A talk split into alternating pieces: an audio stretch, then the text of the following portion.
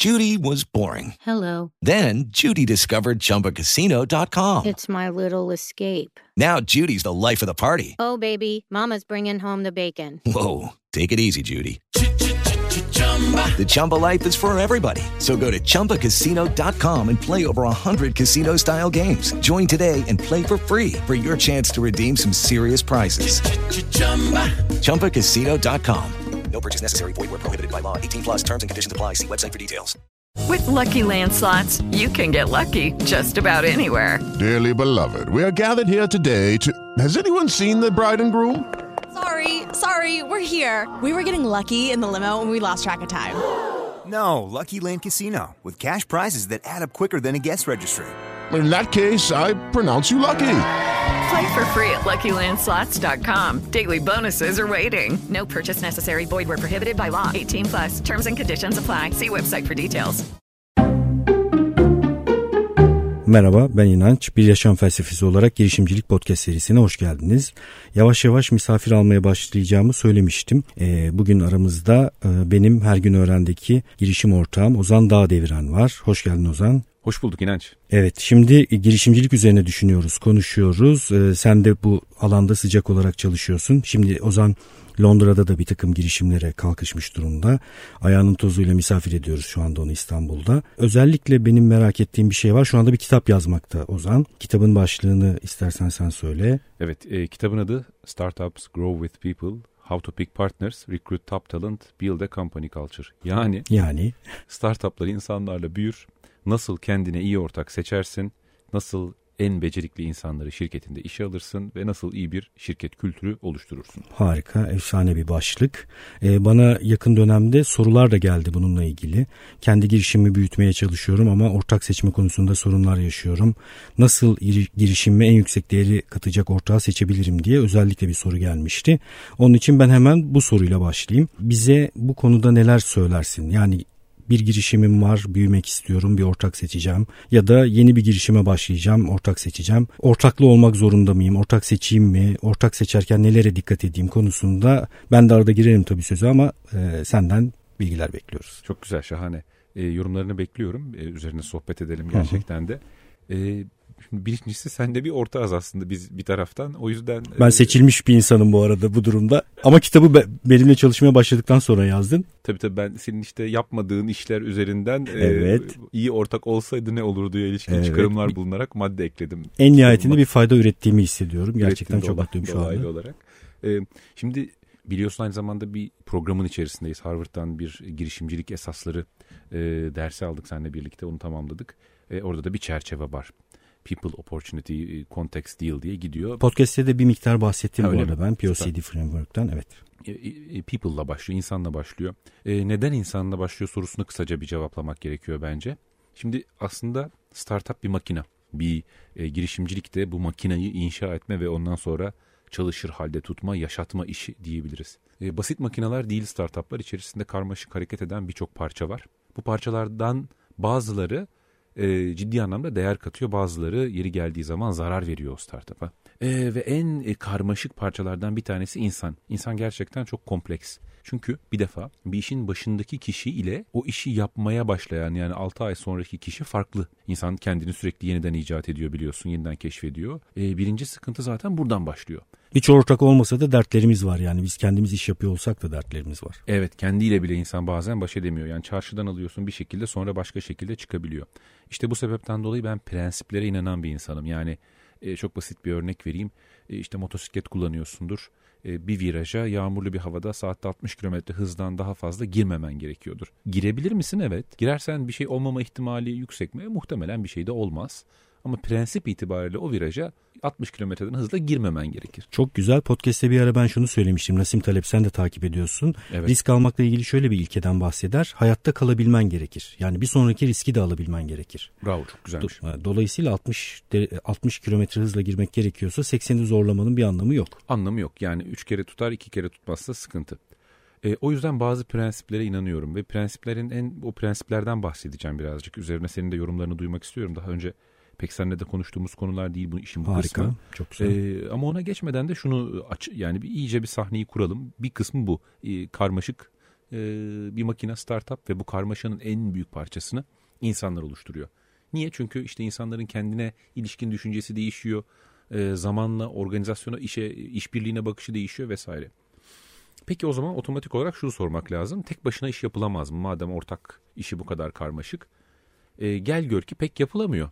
Yani tek başına yapılmış işler var, başarılı girişimciler var. Bunu bu şekilde yürütmüş olan ama e, iki kişinin, üç kişinin birlikte yapabileceği işin volümü, kalitesi, niteliği çok daha yukarıda oluyor. Evet, kesinlikle. E, o yüzden bir şekilde ortaklıklar e, gerekli. Bunun da sebepleri var. E, ilk sebebi bir insanın sınırlı zamanı olduğu için bir konuda ancak bir seviyeye kadar uzmanlaşabiliyor. Ve o uzmanlık alanı o alanla ilgili çok iyi fikirler verse de başka alanlar biraz açıkta kalabiliyor. İyi bir ortak bunu destekliyor. Yani e, mesela bizim seninle yaptığımız iş için örnek olarak bunu alırsak senin ciddi bir geçmişin var. Oyuncu koçluğu, dramatizasyon, aynı zamanda e, video ile ilgileniyorsun, sinema ile ilgileniyorsun vesaire. Bunlar benden daha kuvvetli alanların. O yüzden e, ben çok yararlanıyorum bu işbirliğinin içerisine. E, muhtemelen benim de bu şekilde getirdiğim e, alanlar vardır. E, şimdi madem ortaklık evet çok şey getiriyor e, o zaman bu karmaşık parçaları nasıl yöneteceğiz? Yani buradaki temel prensipler ne olmalı ki bizim işte bu 60 kilometre hızını geçmemek yerine koyacağımız şeyler nelerdir? Çok güzel. Bununla ilgili kitapta ortak seçerken şunlara dikkat etmeniz gerekir diye bir takım prensipler yazdın yani. Somut 8 tane prensip var. Harika. Bunlar da e, garanti etmemekle birlikte en mükemmel ortağı e, seçeceğinizi bunun şansını arttıran en önemli olduğunu düşündüğümüz e, prensipler aslında. Peki merakla ee, bekliyoruz. Hem tecrübeden hem araştırmadan. Yeteri kadar şey yaptık mı? Evet evet çok heyecanlandık.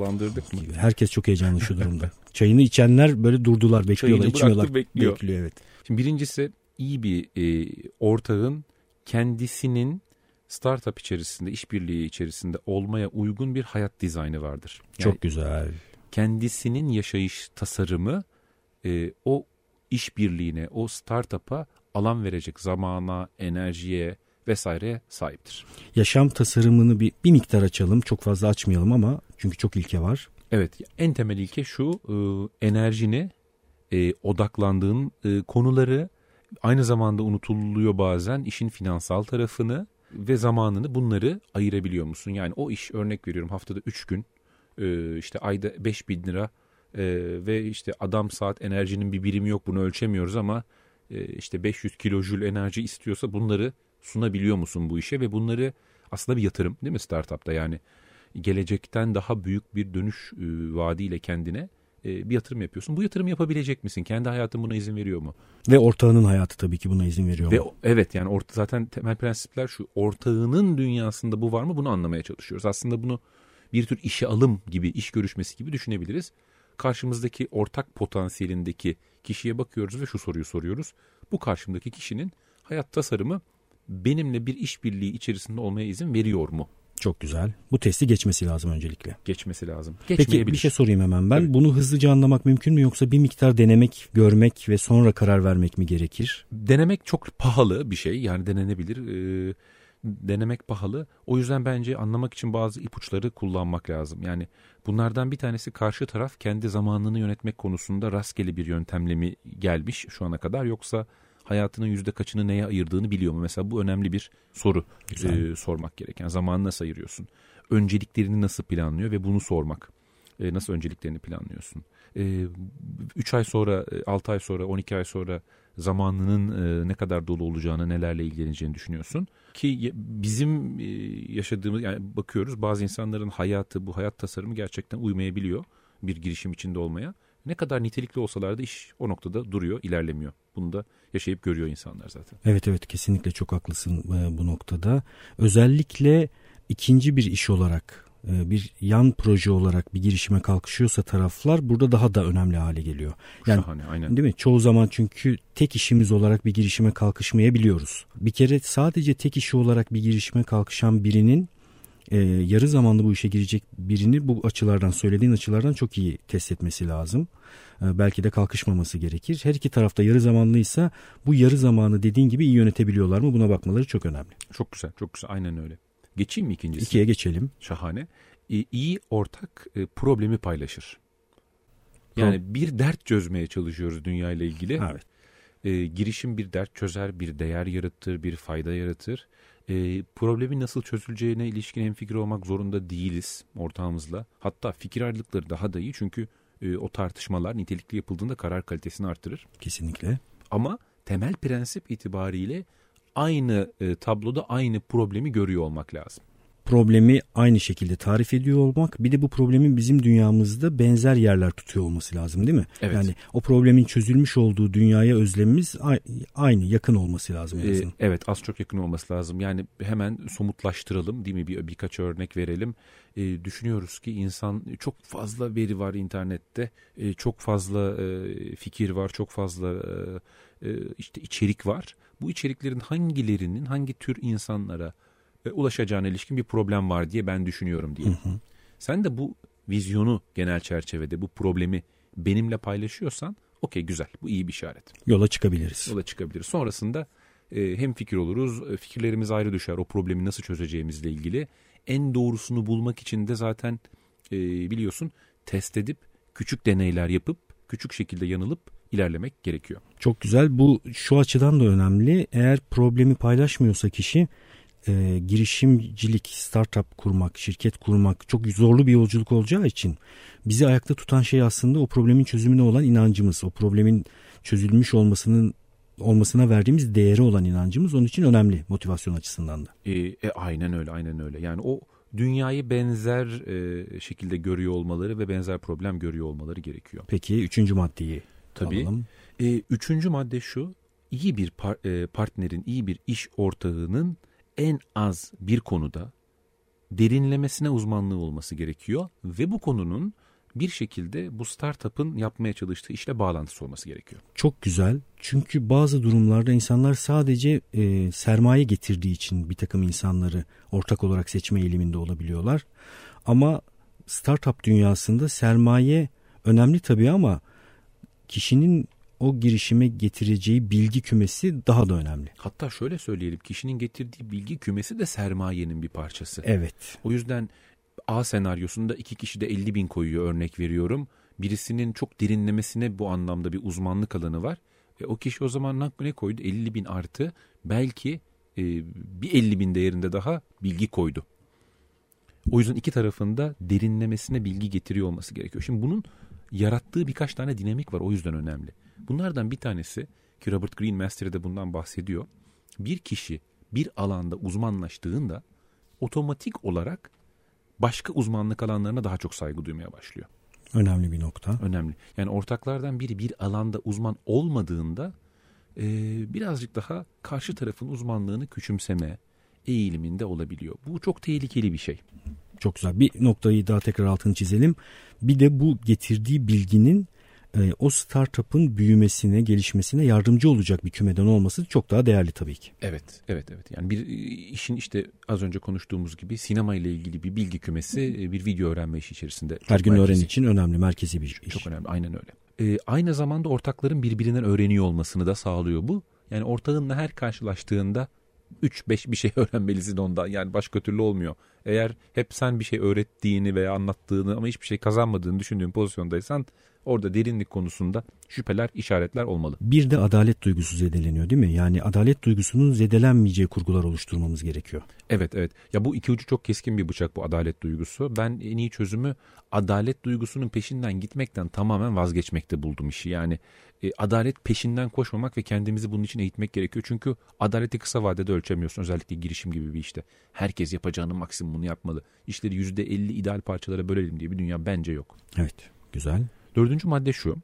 İyi bir iş ortağı iyi icrayı dahiyane fikirlerden daha önemli bulur. O kadar çok anlattım ki Ozan bunu bu podcast'te.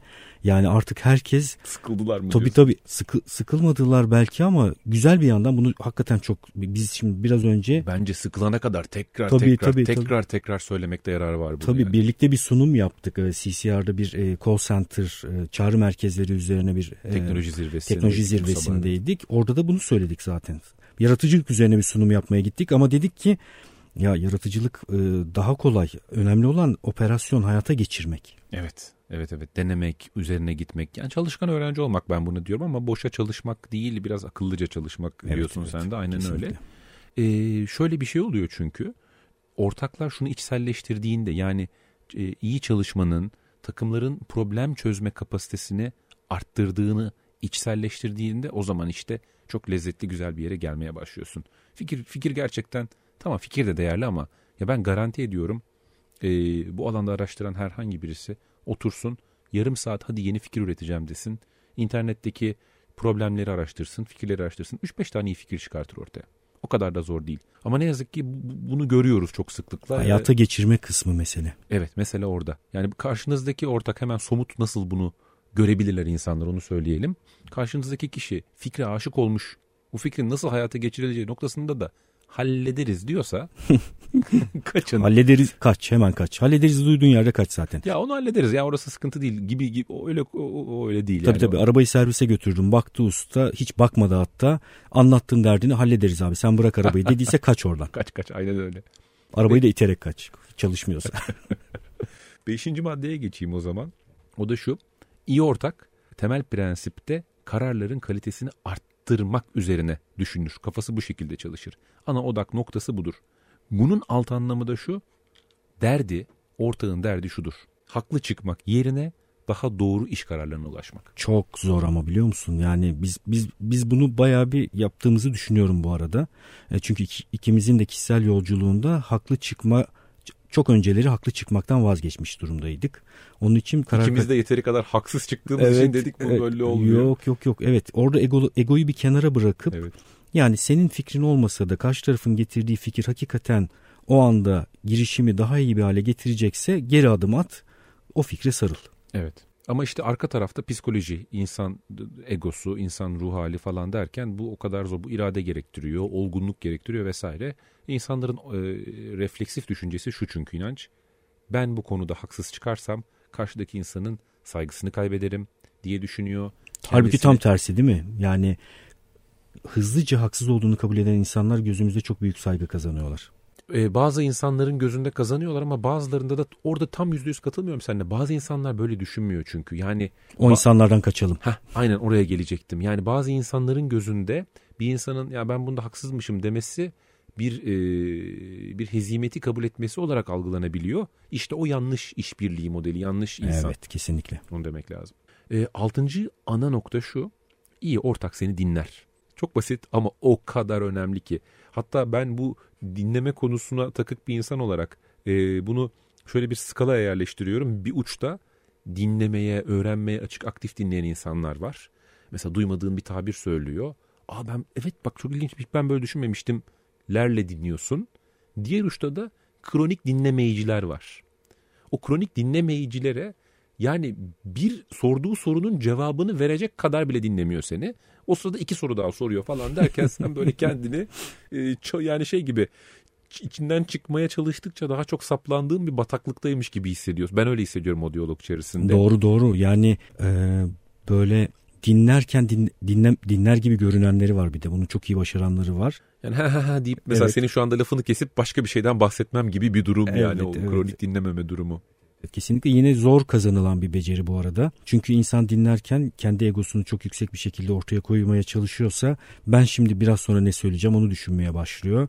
Karşı tarafın kendisine vereceği veriye ve bilgiye de açık değil bu durumda. Evet çok kapalı öğrenmiyor aynı duvara çarpıyor bir de başka başka egolar da var o tarafta.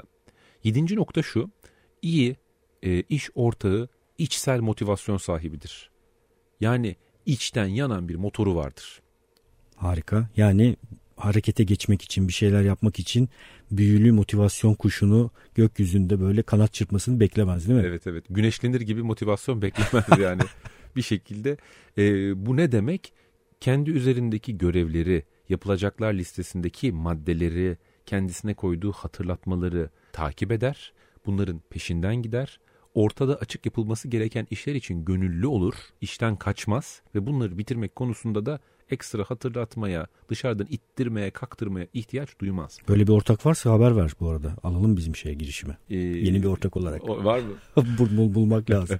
Ya kolay değil evet. Ee, belki bunların arasında e, hepsi çok önemli ama e, bu içsel motivasyon konusu birazcık daha e, ince görmek gereken bir konu. Çünkü motivasyon kaygan bir şey, değişken bir şey öyle söyleyeyim daha doğrusu. Yani motive insan vardır, motive insan yoktur demek mümkün değil.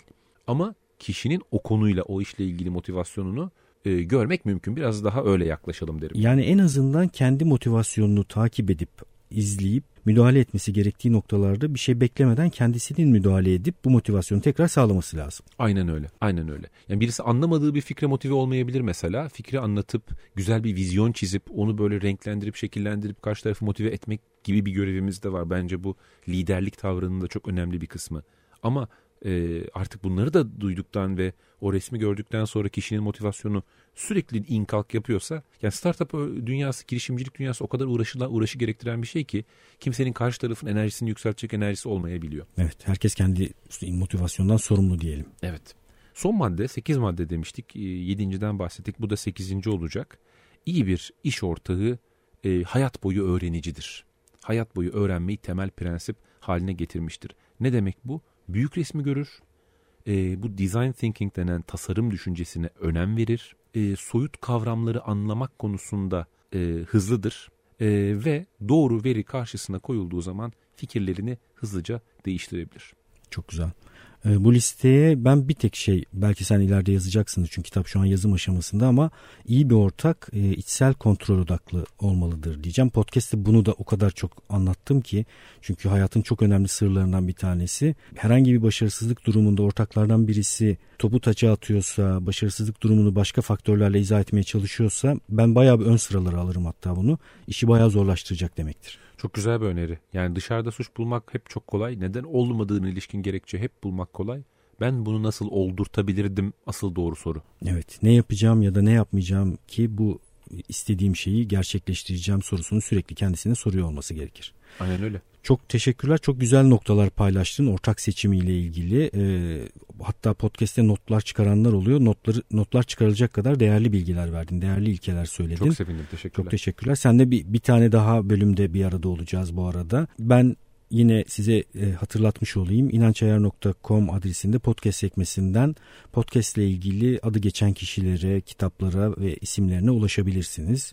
Bir de bu podcast'te katkı yapmak isterseniz inanç.fikritesat.com adresine yazabilirsiniz, e-posta gönderebilirsiniz, soru sorabilirsiniz, yorum yapabilirsiniz. E, dinlediğiniz için teşekkürler. İltifatta da bulunabilirler bence. İltifatta da bulunabilirler. Dinlediğiniz için teşekkürler. Görüşmek üzere. Görüşürüz.